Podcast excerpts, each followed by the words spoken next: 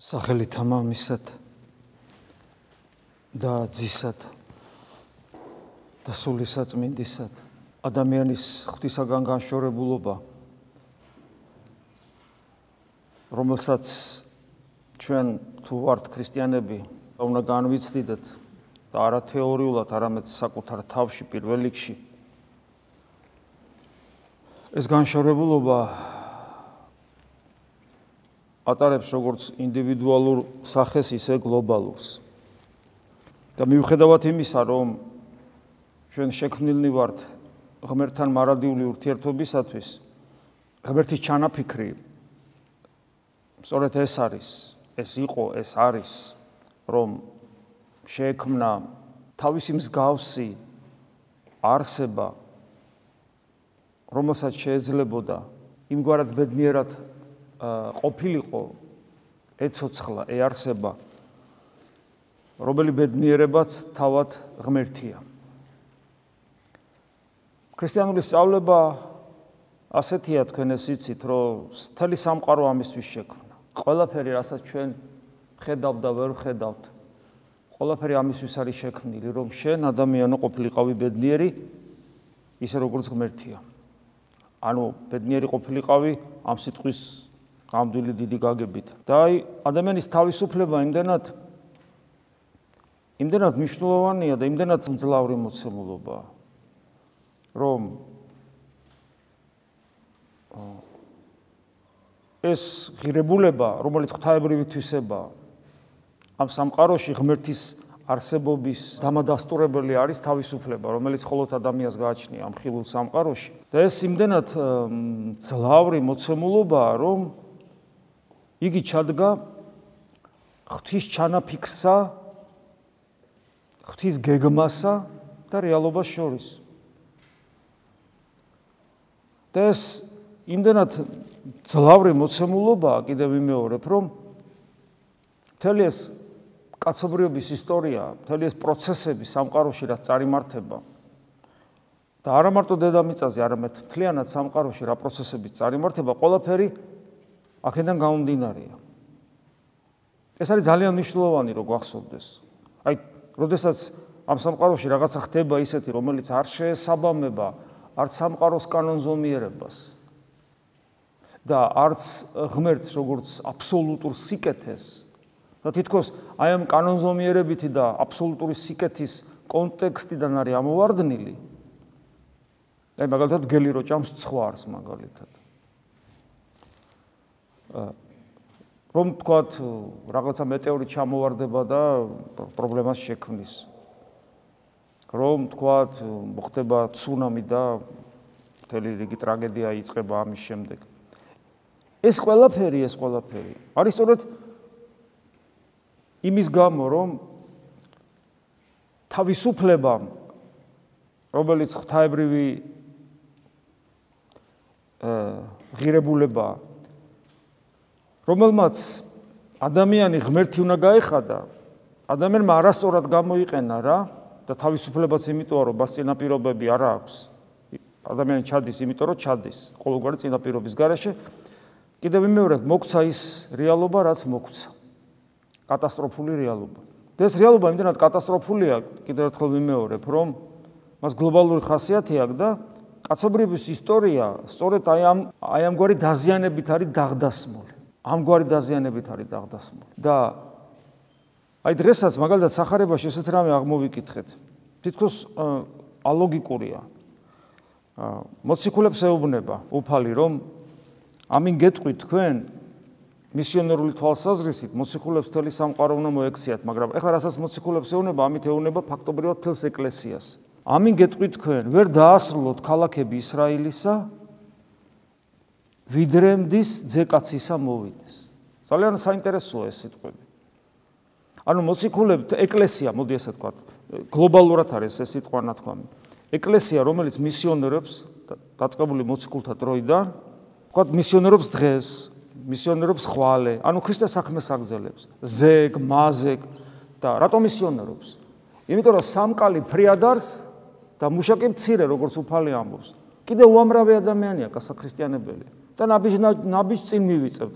დღეს აქ ხვალ უფრო იქით, ზეგ უფრო იქით და კიდე უამრავი, უამრავი ადამიანი გასაქრისტიანებელია და უცებ მეუნება რომ ვერ დაასრულებ და უცებ ყველაფერი დასრულდება. ანუ სამყარო გარდაიცვლება სიკვდილისაგან სიცოცხლეში, მაგრამ თითოეული ადამიანი თავის უღმრთობის გამო პასუხს აგებს. ანუ უფალი დაბრუნდება. და თითქოს ვერ მოესწრო.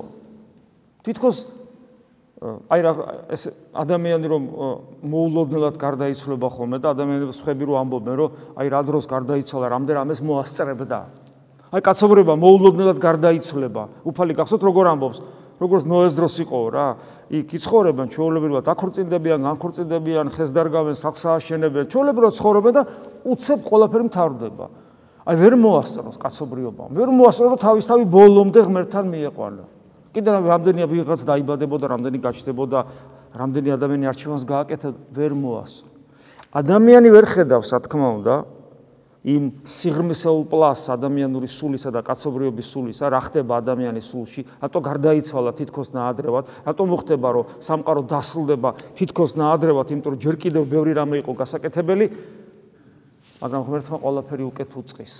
და ეს ნიშნავს იმას, რომ თურმე ჩვენ შეიძლება ისე ამოვწუროთ საკუთარი თავი თითოეულმა ჩვენგანმა. და ისე ამოწუროს კაცობრიობამ საკუთარი თავი, რომ ეგონოს, რომ ჯერ ჟამი არ დამდგარა, გახსოვთ ლეღვის ხე. ლეღვის ხის ჟამი დამდგარი არ იყო. ვინ ვინ და ღმერთმა უკეთ არის ის, როდის უნდა გამოიღოს ناقოფი.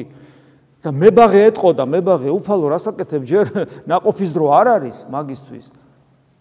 და უფალი ამბობს, რადგან ناقოფი არ აქვს, ამიტომ გახმი და გახმება. და ამით მე ეს იგავური სახე შექმნა უფალმა და ამით მე მეუნება რომ თეოდორე შეხო ლეღვის ხე არ ახარ და კაცობრიობა შე თქვენ თქვენ ხომ კაცობრიობა ლეღვის ხე არ ახარ რომ გეგონებათ, რომ ჯერ ყველაფერი წინ არის და უამრავი დრო გვაქვს, აღმოჩნდება, რომ დრო არა გვაქვს. ფათაშორის ერების ისტორიაში წესია, ბიზანტიას ეგონა, რომ ბევრი დრო ქონა და აღარ ქონდა. საქართველოს თამარის დროს ეგონა ჯერ კიდე ბევრი დრო ქონა და აღარ ქონდა, თამარის მერე ფაქტობრივად ჩვენ სახელმწიფო არ ქონია, ნორმალური. და ეხლა რაღაცას თითქოს, რა ვიცი, რა გამოვა. ასევე დიდ იმპერიებს, ქრისტიანულს, ზოგიერთს ეხლა ჩვენთვის ნაცნობს, გოგონ ეგონათ რომ ბევრი დრო ქონდათ. იგივე რუსეთის იმპერიას 1917 წლამდე. და თურმე დრო აღარ ქონდა. და ეხლაც გონიათ რომ ბევრი დრო აქვს და თურმე აღარ აქვს და ასეა თითოეული ადამიანი. შეიძლება გონია რომ ბევრი დრო გაქვს და აღარ აქვს ასე რომ მისიონერული საწყაული აღუვსებელია ანუ ეს ნიშნავს იმას რომ ჩვენი საკეთებელი არასოდეს არ მოხდება ის რომ საკეთებელი არ გქონდეს საკუთარ თავთან რომ საკუთარი თავის მისიონერი ჯერ შენ უნდა იყო, ჯერ საკუთარ თავში უნდა დაამოწმო ქრისტეს ღმერთობა, რომ მე სხვას დაუმოწმო. ჯერ საკუთარი იერუსალიმში უნდა დაამოწმო და მე გარეთ უნდა გაიტანო და თუ საკუთარი იერუსალიმში არ დაამოწმე, შენ თუ არ იცი რომ ქრისტე ღმერთია, სხვას როგორ უნდა გააგებინო? და ესეც ხო ვიცით რომ ქრისტეს ღმერთობის თეორიული ცოდნა არ არსებობს, არ დავიჯეროთ. სანამ ჩვენ მხოლოდ წიგნიდან ვიცით რომ ქრისტე ღმერთია, ჩვენ ქრისტიანები არა ვართ. სანამ შიგნით შიგნით ამის გამოცდილება არ გვექნება შეიძლება კონდეს ამის გამოცდილება და რა თქმა უნდა შეიძლება კი არა ადამიანი იმიტომ არის შექმნილი და იმგვარად არის შექმნილი რომ მან ქრისტეს საკუთარ თავში იცნოს და სანამ ეს არ მოხდება მომხდარია ჩვენში ეს რომელიც ჩვენგანი იტყვის. რომ კი კი როგორ არა როგორ არა მომხდარია ვიცი რომ ქრისტე ღმერთია ჩემი საკუთარი თავიდან რომელი გაბედავს ჩვენგანი და ამას ასე როყიოთ იტყვის. და სანამ ეს დასტური ჩვენ შიგნით არ არის გესმით? რა სერიოზული პრობლემის წინაშე ვდგავართ მით უმეტეს არ ვიცით როდის დასრულდება ეს ყველაფერი.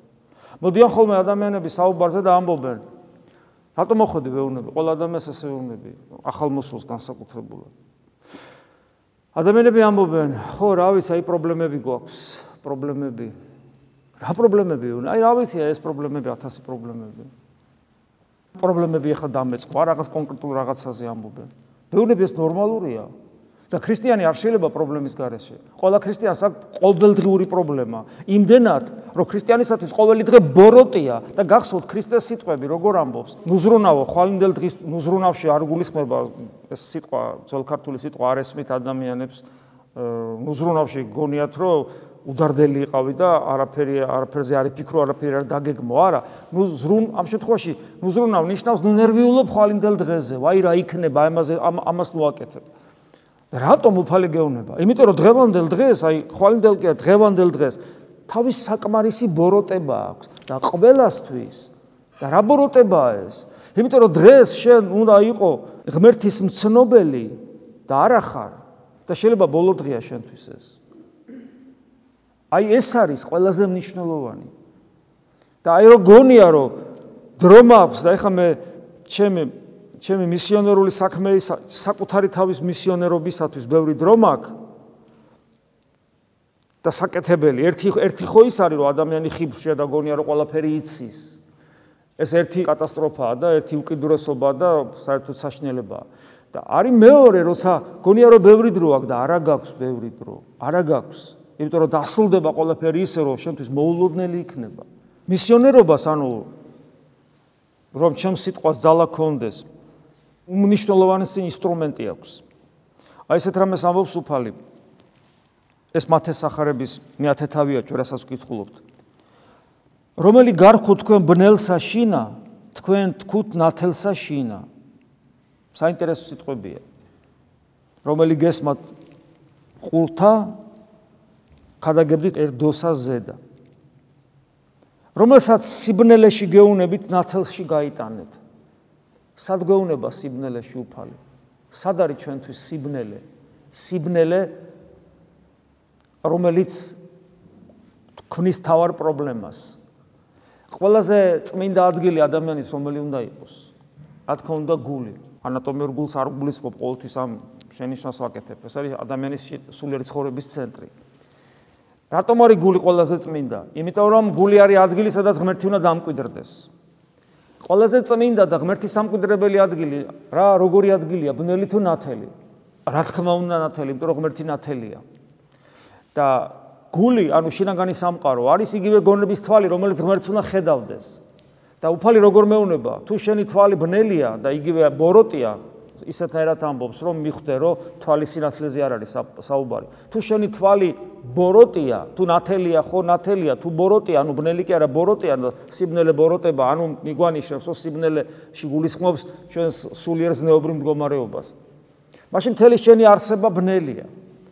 ანუ ის რაც ნათელი უნდა იყოს და უფალი გვეუბნება თუ ნათელი ბნელია მაშინ მთლიანად რაღა იქნება მთლიანად ბნელი ხარ და რატომ არის ნათელი რაც უნდა იყოს ბნელი იმიტომ რომ ნათელი ერთადერთი არს ერთადერთი ნათელი არსებობს ამ სამყაროში. ორი ნათელი არ არის. მე ვარ ნათელი ქრისტე ამბობს რომელი მოვივლინეს მე ვარ ნათელი სოფლისა უფალი ამბობს. მე ვარ ნათელი სოფლისა მე ვარ წერი აი სახარების სულ ტექსტი. მე ვარ ნათელი სოფლის. სხვა ნათელი არ არის არ არის ორი ნათელი სამი ნათელი. მე ვარ ნათელი და თუ ჩემი გული ბნელია მაშინ გამოდის რომ ჩემში ქრისტე არ არის. რა ვიცი რომ ჩემი გული ბნელია? საიდან ვიცი? და აი აქ ისევ მივადექით მართლმადიდებლობის საგანძურს. მართლმადიდებლობის საგანძურს. რომელიც არსად არათუ სხვა რელიგიებში არ არის არსად სხვა დენომინაციებში დოქტრინალურად არ არსებობს. დოქტრინალურად როგორც მოძღვრება არ არსებობს ეს არის ისიქაზმი, ანუ შინაგანი გონების მიერი ლოცვა.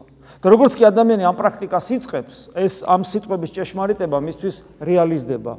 აღმოაჩენ ადამიანი, რომ შიგნით სიბნელე გაქვს. ადამიანმა არ იცის, რომ შიგნით სიბნელე აქვს. ადამიანს პირიქით ძალიან მოსწონს საკუთარი თავი, საკუთარი გული. მე ყველა მიყვარს ადამიანი იტყვის. მე რწმენა მაქვს ადამიანი იტყვის და ასე შემდეგ. როგორც კი, როგორც კი გონების მიერ ლოცვას დაიწყებს, რომ საქმე საქმით დაამტკიცოს, რომ ქრისტეს უნდა პიროვნულად შეხვდეს, სადაც უფალმა მას შეხვედრა დაუთქვა სახარ წმინდა წერილში როგორც ვკითხულობთ, შეხვედრა დაგვითქვა იქ, იქ გველოდება. როგორც კი ამას როგორ შეიძლება ქრისტიანი წმინდა წერილის არ ენდობოდეს? წავიკითხე, აა, უი, სად უნდა შევხვდე? გასაგებია. ნუ პლუს ამას ემატება 2000 წლოვანი სკოლა, სწორედ აი ამის კეთების, რაც არის ეკლესია, იწખებს ადამიანს ამის კეთებას და აღმოაჩენს, რომ არ გამოდის არაფერი. თურმე სიბნელეა. ნათელი არ არის შიგნით. და ადამიანი აინახავს რა ამ სიბნელეს შეწუხდება, შედრწუნდება და იწખებს საკუთარ თავზე მუშაობას. აღარ იძინებს, აღარ დღე, აღარ ძღამე ფიზიოლოგიურ ძილს და ბღვიძარებას არ გულისხმობ. მამას მენტალურ შინაგანს, გონების მიერ, სულიერს ადამიანი აღარ ისვენებს, ადამიანი კომფორტის ზონიდან გამოდის. და ადამიანი იწყებს ინტენსიურ ღმერთის ზიებას, რომელიც თურმე არ ყოფილა. სადღაც შორს, არამედ საკუთარ თავში უნდა მოხდეს ეს იწყებს ამის კეთებას და აღმოაჩენს, რომ უსუსურია იმ სიბნელის წინაშე, რომელიც მასშია, მაგრამ ღმერთის მოწყალება არის განსაცვიფრებელი და პერიოდულად უფალი გამოანათებს, როგორც წმინდა სოფრონი ამბობს, ტყვის უზარმაზარი სქელი კედელი რომ ნემსის მიერ გაიხრიტოს და იმ ნემსის წრილ ნახრეთში რომ სხივმა გამოჟონოს ხანდახან, ხანდახან. და აი ეს არის სწორედ რომელი გარქუბნელსაშინა სიბნელეში ვარ და უცებ უფალი განმაცდეინებს რომ თეოდორე შენთან ვარ. აი როგორც კი ეს იწება შენ გეძლება უმთავრესი ინსტრუმენტი მისიონერობისა.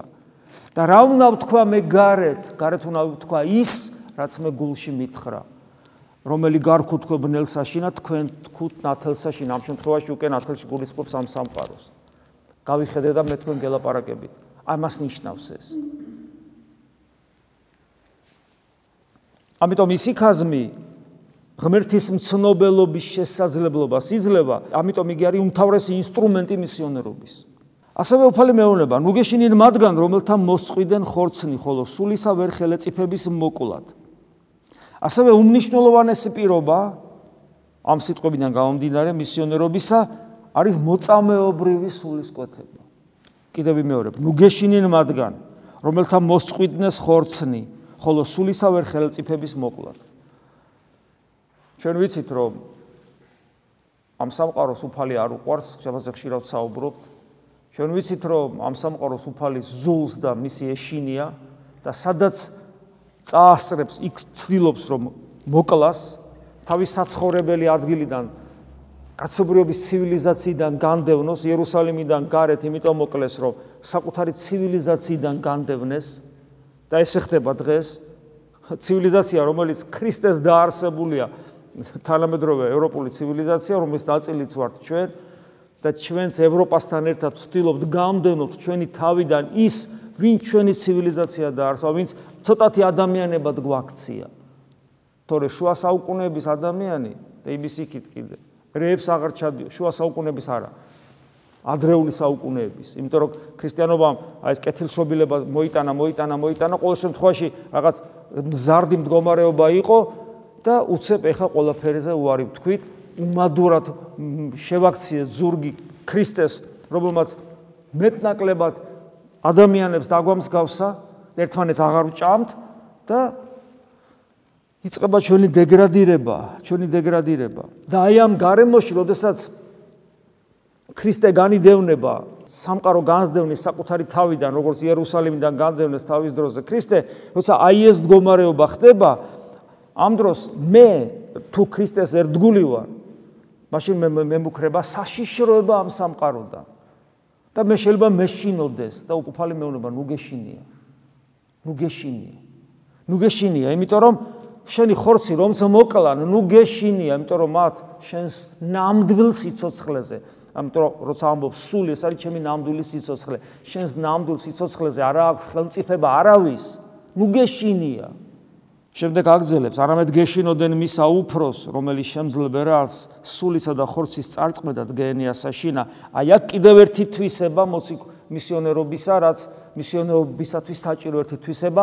ეს არის მოციქულებრივი მდგომარეობა როცა მათ ღვთისა ეშინოდათ. გახსოვთ ერთხელ ქრისტესთან ერთად რომ მიდიან და რაღაც კითხვა უნდათ და კითხვას ვერ ბედავენ ვერ ბედავენ ქრისტეს რაღაცა კითხო, კითხონ რამე თუ მისა ეშინოდათ. რატო ეშინოდათ ქრისტეს? ქრისტე რამეს უშავებ და რა რა შიშია ესა? ეს არის შიში მისი დიდებულების წინაშე, იმიტომ რომ მათ მრავალგზის დაინახეს, იგზნეს, რომ ქრისტეს წინაშე გამჭვირვალენი არიან. არაფერი არ არის მათ სულში დაფარული უფალმა რო არიცოდეს. და ასე შემდეგ მრავალი მიზეზი აქვს იმისა, რომ ქრისტეს მიმართ მათ რაღაც მიუხედავად იმისა, რომ ხედავენ მასთან ერთად სამ წელიწად ნახევარი იმყოფებიან, ჭამენ, სვავენ, ხელს კიდებენ, თქვა, რა ვიცი, ხო ადამიანური ურთიერთობა როგორია, მეგობრული, როგორ უყვარს უფალს ისინი, მაგრამ მაგრამ აი ეს ეს შიში კძალვა, კძალვა. და ამიტომ ჩვენც უნდა გქონდეს ეს შიში და შიში პასუხისგებლობიდან გამომდინარე. იმიტომ რომ მე არა ვარ იმ სიწმინდის, მე არა ვარ იმ მორალური მდგომარეობის, რომელიც უნდა მქონდეს თუ მე ქრისტიანი ვარ და პეტრე მოციქულივით უნდა მქონდეს, განსა განვეთ შემგან უფალო კაცი ცოდვილი ვარ. და ამიტომ უფალი მეუბნება რომ ვისაც ხორცის მოკვდინება შეუძლია შეუძლია იმის ნუგეშინია მხოლოდ ღმერთ შეუძლია თლიანი შენი არსება პასუხისგებლობის წინაშე დააყენოს და მხოლოდ ღმერთ შეუძლია რომ ნამდვილი განაჩენი გამოგიტანოს რომელსაც აქვს ხელმწიფება სულზეც და ხორძეც. ხოლო ვისაც შენი ხორცის მოკვდინება შეუძლია ღმერთს ძალუს ამ ხორცის აღდგინება და ესეც იქნება მეორე მოსვლის ჟამს. და ეს მოციქულებრივი სულისკვეთება იმიტომ არის, რომ ჩვენ როდესაც თქვათ, გვინდა რომ ჩვენი ღვთისიტყვა გარეთ გავიტანოთ და ადამიანებს გავაგებინოთ და დავანახოთ, არ უნდა დაგვიწყდეს საკუთარი თავი პირადი პასუხისგებლობა ღვთის წინაშე. მე მინდა რამდენიმე ამონარიდი რომელთა მიმართ ეპისტოლიდანაც აღმოვიკითხოთ. პავლე მოციქული ესე ამბობს. ეს მერვე თავია, რაც დღეს წავიკითხეთ. ჩვენ სულის პირველ ناყოფის მქონენი ვგმინავთ შინაგანად ღვთის ზეობისა და ჩვენი სხეულის ხსნის მოლოდინში. აი ჩვენ წეგან ვამბობდით, რომ ადამიანს შინაგანი მდგომარეობა მძიმე აქვს, ღმერთს დაცილებული მდგომარეობაა და ამიტომ ყოველთვის მოულოდნელი იქნება ჩვენთვის უფლის მოსვლა, უფალთან შეხვედრა და ესეც გარკვეული პასუხისგებლობის წინაშე გვაყენებს, რომ დროზე მივხედოთ საკუთარ თავს და მაგრამ ანახეთ, როგორ ამბობს რა საინტერესო სიტყვებია პავლე მოციქულის კვლავ გავიმეორებ, ჩვენ სულის პირველ ناقოფის მქონენი. ეს ნიშნავს იმას, რომ პავლე მოციქული გვახსენებს, რომ ჩვენ ناقოფი უნდა გამოვიყოთ, ჩვენ ქრისტეს უნდა დავემსგავსოთ, მაგრამ ეს პირველი ناقოფი გამოღებულია უფალი გვეუბნება. პავლე მოციქული გვახსენებს და ეს პირველი ناقოფი დაუმსახურებლად ყოველას ჩვენში გვაქვს. ეს არის ის მადლი, რომელიც მივიღეთ რწმენით და მერე საიდუმლოებრივად ეკლესიაში რომ შემოვედით. რწმენით, როცა უფალმა მომცა რწმენა და ამიტომა თავისუფლება, რწმენა მომცა და მერე თავისუფლება, ჰა, რწმენა მოგეცი, რომ ქრისტე ღმერთია. ეხლა აბა რა სიზავ? შეხვალ თუ არა შემოხვალ თუ არა ჩემ სამეფოში ანუ ეკლესიაში და თუ ადამიანი გადადგავს ამ ნაბიჯს როგორც პავლე მოციქულთან მოხდა პავლეს ეცხადება ღმერთი და ირწმუნებს ქრისტეს ღმერთობას და მე შეელო მისულიყო ანანიასთან და მონათრულიყო და მოინათლა და შეძლო არ მისულიყო და არ მოინათლებოდა ეს კო თვითონ გააკეთა. და პავლე მივიდა და მოინათლა, ანუ ეკლესიის ორგანული ნაწილი გახდა.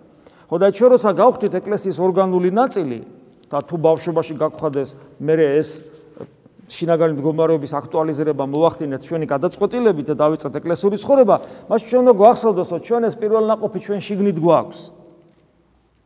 შიგნით გვაქვს. და ამიტომ ჩვენ განცდილი გვაქვს. ცოტათი მაინც განცდილი გვაქვს ღვთის ძეობა და ჩვენი გადარჩენა. განცდილი გვაქვს. და უცებ ამბობს პავლე მოციქული ვგმინავთ ჩვენ ვგმინავთ ჩვენი ღვთის ძეობის მოლოდინში. ვგმინავთ ანუ ადამიანმა განიცადა იცის ეს რა არის ჩანასახის მდგომარეობაში და რო გითხარით წეღან რომ ადამიანის ყოველი დღე რო ბოროტებით ახსავსია და ეს ბოროტება არის რომ ვიცი რომ ღმერთი არის, ვიცი რომ ჩემშია და ვიცი რომ უნდა რეალიზდე როგორც ღმერთის შვილი და ვერ ვაკეთებ ამას. და ვგმინავ, აი ეს არის მგლოვარება, ნეტარაკმა მგლოვარენდი რომ რამე თუ ნუგეშინის სემული იქნება, მგლოვარებ, ვგმინავ, არა ვარ ბოლომდე გახარებული. ვარ გახარებული, იმიტომ რომ მორწმუნე ვარ, მაგრამ არა ვარ ბოლომდე გახარებული, იმიტომ რომ ჩემი რწმენა არ რეალიზებულა. ამიტომ პავლე ამბობს, ვგმინავთ ჩვენ. მგლოვარებთ უფალი ამბობს. რატო? მიწიერი პრობლემები მაქვს?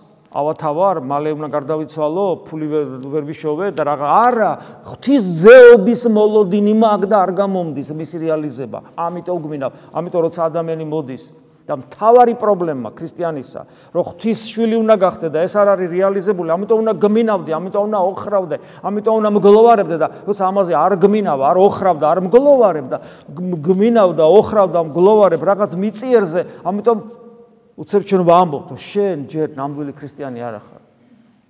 ოდესაც დედა ნერვიულობს, რომ თქვა შვილს რაღაცა პრობლემა გამქვეყნებული, თქვა ოჯახის შექმნა უნდა შვილისათვის და შვილის ოჯახი ჯერ არ შეუქმნია და საშნელ დღეშია დედა და ამ დროს თუ შვილი არ არის მორწმუნე, ჩვენ ვეუბნებით, რომ შენ ქრისტიანი არ ახარ, როცა პრეტენზია აქვს დედას ქრისტიანობაზე. შენ იმაზე როგორ არ დაარდობ, რომ შენი შვილი ღმერთს არ იცნობს.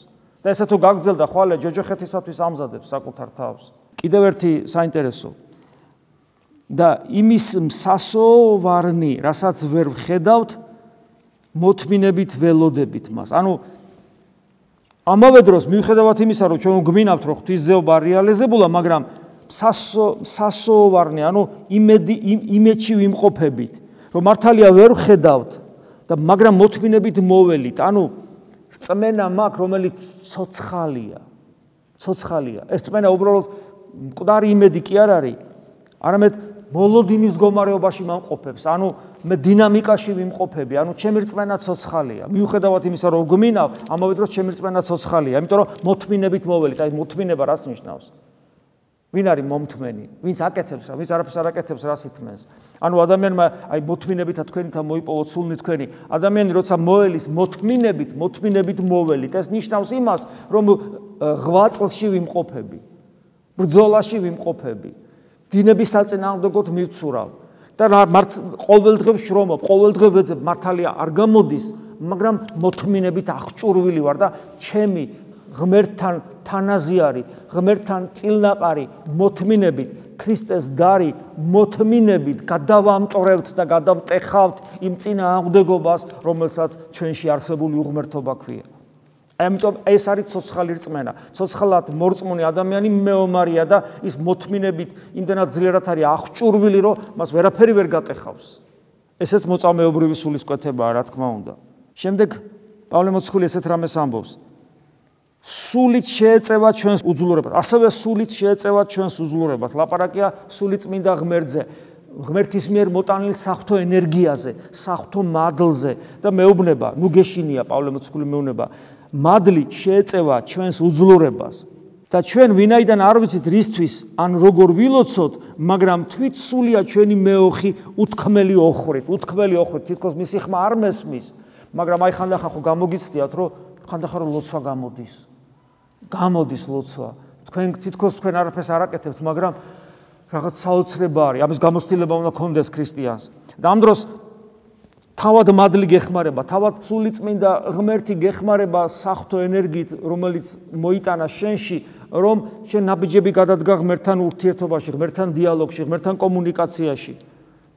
და შენი უძლურების შემწე თავად ღმერთია. და ხშირად ისიც კი არის რა უნდა ილოცო, მაგრამ შენი ინტუიცია ცოცხლდება, რეალიზდება და ნამდვილი ხდება. ასე დროს ჩვენ შეგვიძლია ვთქვათ, რომ სული წმინდა ღმერთი არის ჩვენი მოძღვარი. ეს ის მდგომარეობა, როცა უფალი ამბობს, ასაც მე თქვენ გეუნებით, ბევრი რამე არ გესმით, ვერ ხვდებით. მაგრამ მოვა ნუგეშინის ცემელი, სული წმინდას კი არ ახსენებს იქ, ახსენებს ნუგეშინის ცემელს, რომელიც დაგვაწყარებს, დაგვამშვიდებს, იმედს მოგცემს და რაც მე გითხარით უფალი ამბობს, რომელსაც ახლა ვერ იგებთ. ამ ყველაფერს გაგახსენებთ კიდევაც და ამ ყველაფერს გასწავლით კიდევაც. და აი როგორც მე პავლე იტყვის, რომ ვერ არ მიტყვის უფალი იესო თუ არა სულიწმინდის მიერ, შენ ჭეშმარიტად ხდები ქრისტე შენთვის უფალი ხდება მართლა სულიწმინდა ღმერთის დახმარები და მე კი არ ლოცულობ ჩემში, არამედ თავად ღმერთი ლოცულობს ჩემში, როგორც პავლე მოციქული ამბობს და სწორედ უფალი სულიწმინდა ღმერთი მასწავლის, როგორ გავხდე ზეციური მამის შვილი. აი ამ ყველაფერთან გამომდინარე ჩვენ შეგვიძლია ვთქვათ, რომ სულიწმინდა ღმერთი ჩვენი მოძღვარია, თითოეული ჩვენგანის პირადი მოძღვარია. ოღონ იმისათვის რომ ეს განვიცადო, აუცილებელია რომ გული მქონდეს გაფაქიზებული, ღვიძარე, ფხიზელი, მოსურნე უნდა ვიყო ქრისტეს ერთგულებისა. იმიტომ რომ სადაც ქრისტეს ერთგულება არ არის, სადაც ქრისტეს დიდება არ არის, იქ სულიწმინდა ღმერთი არ მოქმედებს. ამას პირდაპირ ქეუნება იონე მოციქული.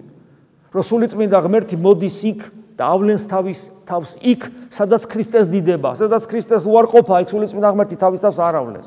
იმისათვის რომ ჩემში სულიწმინდა ღმერთი მოქმედებდეს როგორც ჩემი მოძღვარი, აუცილებელია რომ ჩემი გული მუდამ იყოს ქრისტეს მადიდებელი მისდამი ერთგულებით.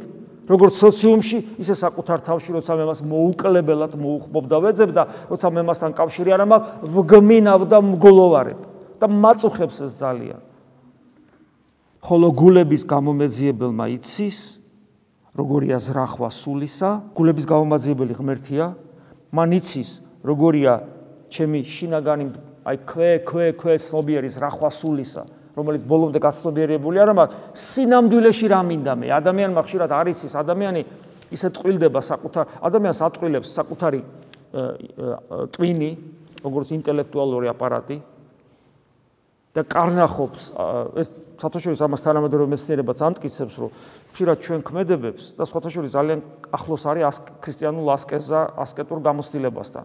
თანამედროვე ესე იგი ტვინის სპეციალისტები ამტკიცებენ რომ მე რაღაცა ვთქვი და რაღაცა გავაკეთე. ანუ ჩემი გარეგნული ქმედება გამოვლინდა რაღაცაში, ან სიტყვაში, ან საქმეში. დადასტურებულია რომ ტვინმა და გონია რომ ეს მე გავაკეთე და აღმოჩნდა რომ ძალიან ხშირ შემთხვევაში ტვინში ეს პროცესები გაცილებით ადრე არის მომხდარი და ეს ინფორმაცია დაგვიანებით გამოვლინდა ჩემს ქმედებაში და სიტყვაში. ანუ ჯერ ტვინმა გადაწყვიტა და გააკეთა და მე მე მგონია მე ვაკეთებ. ეს ნიშნავს იმას, რომ ძალიან ხშირ შემთხვევაში ჩემი ტვინი მართავს მე. და ნახეთ ქრისტიანები ასკეტი მამები როგორ გვასწავლიან. ადამიანს გონია თავისი გადაწყვეტილება და რაღაცას ამბობს და რაღაცას აკეთებს და სინამდვილეში ეს ინსპირირებულია დემონური სამყაროსგან, რომელიც ჩვენში მოქმედებს აზრებისა და გულის სიტყვების საშუალებით, რომელიც გვინერგავს ჩვენში რაღაც აზრებს და გულის სიტყვებს, ჩვენ მათ ვანხორციელებთ და გვექმნება ილუზია, რომ ჩვენ თავისუფლად მოქმედებ და ჩვენ ეს გვინდა და ჩვენ ეს მოგწონს. მიზეზი ამისი არის ის, რომ ჩვენ სულში არის მრავალი შრე სიღრმისეული დაცემულ ბუნებაში, რომელიც მსგავსია დემონური ენერგიისა და სწორედ ის აძლევს ეშმაკს უფლებას, რომ ჩვენი ორგანოებით манипулиრებდეს და ჩვენს ჩვენს თავისუფლებას იმონებდეს და თან ისე რომ ადამიანს ეგონება, რომ ეს მისი თავისუფალი გადაწყვეტილებაა. მაგრამ გულების გამომეძიებელმა იცის როგორია ჩვენი სულის ზრახვა, მაგრამ ღმერთი არ მოტყილდება. აი, წინა მამები იმასაც ამბობენ, რომ აი ადამიანი აქ რო თავს იმართლებს, აი არ ვიცოდი, მე ეს კი გავაკეთე, ესე კი ვთქვი, მაგრამ მე არ მეგონა რომ ეს ასე იყო და მაგდამან ჩემი სურვილი ეს არ იყო, რომ წარვდგებით ღვთის წინაშე აღმოჩნდება. რომ თურმე მთელი რიგი საქციელები რა ჩვენ ჩაგვიდენია რომელიც გონია რომ ეს ჩვენი ბრალი არ იყო მაინდა მაინც რაღაც ისე მოხდა თურმე ჩვენი ბრალი ყოფილა იმიტომ რომ ქვე ქვე ქვე ცნობიერში იმ ჩვენ დაცემული ბუნების სიღრმისეულ პლასტებში ეს ჩვენი გადაწყვეტილება იყო ჩვენი თავისუფლება იმგვარად რეალიზდებოდა. ღმერთი არ მოტყილდება იმიტომ რომ ღმერთი ბოლომდე ღმერთისათვის ბოლომდე გამჭირვალეა ადამიანი. და ღმერთმა იცის რომ ესე იგი როგორია ჩვენი ზრახვა სულისა? იგია წმინდათა მაგრამ და შესაბამისად რადგან იცის მან ჩვენი ცუდიც იცის და ჩვენი ნამდვილი გადაწყვეტილებაც იცის ის გადაწყვეტილება როდესაც ქრისტესადმი ერთგულება ვლინდება და შესაბამისად თავად ღმერთის ენერგია არის თავად ღმერთისვე მეოხი ისევ საფრთხო განგებულებით. ამიტომ როცა ღმერთი ჩვენ ბოლომდე გვიცნობს და შესაბამისად როდესაც ღმერთი ჩვენ გვეხმარება ესე გამოდის ღმერთი და ჩვენ თანამშრომლობ ეს არის ადამიანისათვის ბუნებრივი მდგომარეობა იმიტომ რომ როგორც გითხარით ჩვენ შექმნილნი ვართ იმისათვის რომ ღმერთთან კონდეს თანამშრომლობა კომუნიკაცია რომ ჩვენი სიცოცხლე და ღმერთის სიცოცხლე გახდნენ იდენტურნი რომ ღმერთის სიცოცხლე გახდეს ჩვენი სიცოცხლე და ამით ჩვენ გავხდეთ ღმერთის შვილნი. ეს არის ჩვენთვის ბუნებრივი და ნორმალური მდგომარეობა რისკენაც ჩვენ მივისწრაფით და რა ჩვენში აუცილებლად უნდა რეალიზდეს იმისათვის რომ ჩვენ ვიყოთ ჭეშმარიტად ქრისტიანები და ამ სიტყვას ვამართლებდეთ. ამინ. მადლი უფლისა ჩვენისა იესო ქრისტესი და სიყვარული ღვთისა და მამისა და ზიარება სული საწმინდისა იყოს თქვენ ყოველთა თანა. ამინ